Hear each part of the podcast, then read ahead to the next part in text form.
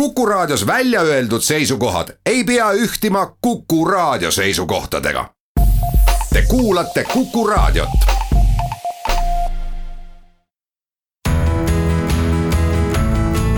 kuku Raadio nädala kommentaar. tere, mina olen Mihkel Kunnus ja see on nädala kommentaar teemal korruptsioon. korruptsioon on võõrsõna see tuleb ladinakeelsest corruptiost, mis tähendab rikutust ja moraalset laostumist. kõlab väga süngelt ja rängalt. seevastu selle sõna lähim maakeelne vaste, onupojapoliitika, kõlab märksa pehmemalt, lausa kodusoojust õhkavalt. korruptsioon ei ole kuritegu, mis puudutaks rahvast nii-öelda seljaaju tasandil see on näiteks võrreldamatu pedofiilia või loomapiinamisega, mille puhul kommentariaat keeb lintšivihas ja võistleb selles, kes suudab võikama piinamisviisi õiglasema karistusena välja pakkuda. onupojapoliitikaga on veel kiretumad lood.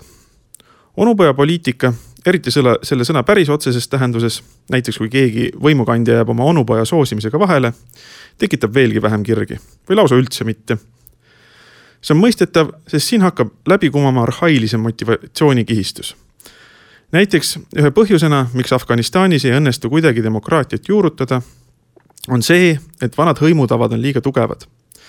ja nende järgi on võimule saanud lausa kõlbeline kohustus oma sugulasi aidata. teisisõnu, onupojapoliitika on seal just nimelt moraalne, mitte ebamoraalne käitumine. taoline kahetisus peegeldub ka niinimetatud vilepuhujate puhul. ühelt poolt on nad õigluse rüütlid, tõe paljastajad, teiselt poolt jällegi reeturid ja reetmine on rängim kuritegu arhailisemate moraalikoodeksite järgi. isegi tapmisest rängem.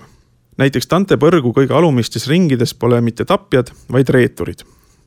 reetmises on nähtud teatavas mõttes üksikisikust sügavamale ullutavat tapatööd, sotsiaalset tapatööd, elu põhiliste sidemete kahjustamist Nende sidemete, mis on olulisemad igast niigi kaduvast üksikisikust. sest need sidemed teevad elu üldse võimalikuks inimesel, sellel ülisotsiaalsel loomal reetmise vastand on truudus ja lojaalsus. kellele? ikka omadele. omadele, kes on eristatud võõrastest, vähem omadest. õigusriik aga ütleb, et ei tohi olla omasid ja võõraid õiguse subjektide vahel. aga see ei ole asjade loomulik olek. sellepärast pidi revolutsiooniline Paulus omal ajal kirjas galaatlastele ütlema. ei ole siin juuti ega kreeklast, ei ole siin orja ega vaba ei ole siin meest ega naist, sest te kõik olete ühed, ühes Jeesus Kristuses. see on hilisem arengukihistus, mis peab arhailisema kinni katma. aga ära ei suuda seda kaotada. siin kohtame veel ühe hilisuusaegse refrääniga sotsiaalse õigluse sireeni laulus. see on diskrimineerimine diskrimineerimine tähendab laias laastus ebavõrdset kohtlemist mingi ebarelevantse tunnuse alusel. kusjuures ikka kipuvad need ebarelevantsused olema mingid oma kategooria laiendused soodustingimusi kiputakse andma oma sugulastele, oma soole, oma rassile, oma rahvusele, ammugi siis oma liigile. Neil ei tohi olla lojaalne, sest see on üldisemale tervikule ja üldisemale õiglusprintsiibile kahjustav. ja ongi, kohe väga. kui üle-eelmiste valimiste aeg söandati poetada paaril korral, et mis see korruptsioon nüüd nii ränk kuritegu on, siis võttis tuline antisotsialist ja vabaturujutlustaja Peeter Koppel vaevaks kirjutada artikkel pealkirjaga Korruptsioon jooksutab rikkuse loomise masina kinni. seal toob ta punkt punkti haaval välja, kui laastavalt mõjub korruptsioon vabale turumajandusele kui rikkuse loomise masinale. tsiteerin algust. korruptsioon õõnestab õigusriiki ja tõkestab majanduse toimimist laiemalt. õigusriik on aga turumajanduse jaoks hädavajalik majandusagentide omavaheliste suhete takistusteta toimimiseks on ülimalt oluline, et omandisuhted ning kõigi kodanike õigused ja kohustused on üldiselt hästi teada, aktsepteeritud ning nende piirjoonte paigas hoidmiseks kasutatakse vajaduse korral riiklikku sunnijõudu. turumajandus eeldab võrdsete võimaluste ja kindlate, üheselt mõistetavate reeglitega mänguväljakut ning riik selle väljakuna peab majanduse tõrgeteta toimimiseks olema selline, kus lepingud peavad pettuse eest saab karistada ning kellelgi ei teki ebaõiglast eelist. ja Peeter Koppelil on õigus, pole liialdus öelda, et korruptsiooni väljajuurimatus on üks põhjusi, miks majandus parempoolsete ideaalid iial liialt ei realiseeru. see parempoolsete täbarus võib tekitada kõditavat kahjurõõmu majandusvasakpoolsete hulgas. Paraku kahjurõõmuga siin piirduma peabki, sest kõik senised katsed luua võrdsusutoopiaid on jooksnud sama klannistumise otsa sotsialismimaad kukuvad korruptsiooni tõttu läbi ja isegi rängemini, sest tsentraliseeritud ja rohkem ühiselu tasandeid haarav võim korrumpeerib samuti tsentraliseeritumalt ja rohkemaid ühiselu tasandeid haaravalt. kõik katsed luua mingit sotsialismi on lõppenud mingit laadi nomenklatuuri tekkega, kus omade ja mitteomade eristus on terav nagu mõnes vanas ühiselukorralduses.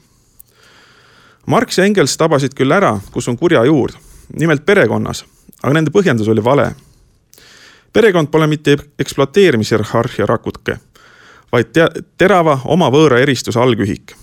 romantilises argisemalises kõnepruugis lapsevanematel on kalduvus oma lapsi armastada, hoolida neist rohkem kui teistest inimestest. ka varanduse pärandamine tundub neile kuidagi õigem kui lihtsalt ühiskonnale jätmine ja nii edasi.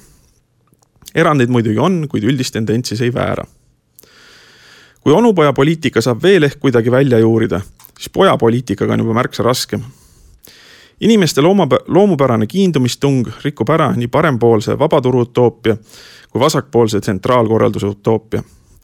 see väljajuurimatu kalduvus kohelda sõpru, endisi klassi trennikaaslasi, suguvendi õdesid heatahtlikumalt kui teisi inimesi on teisest küljest ebaõiglus, kalduvus, mis vajab pidevalt vastutööd kiindumus kalduvuse ja truudustungi püsiv ainevahetusjääk on sotsiaalne ebaõiglus.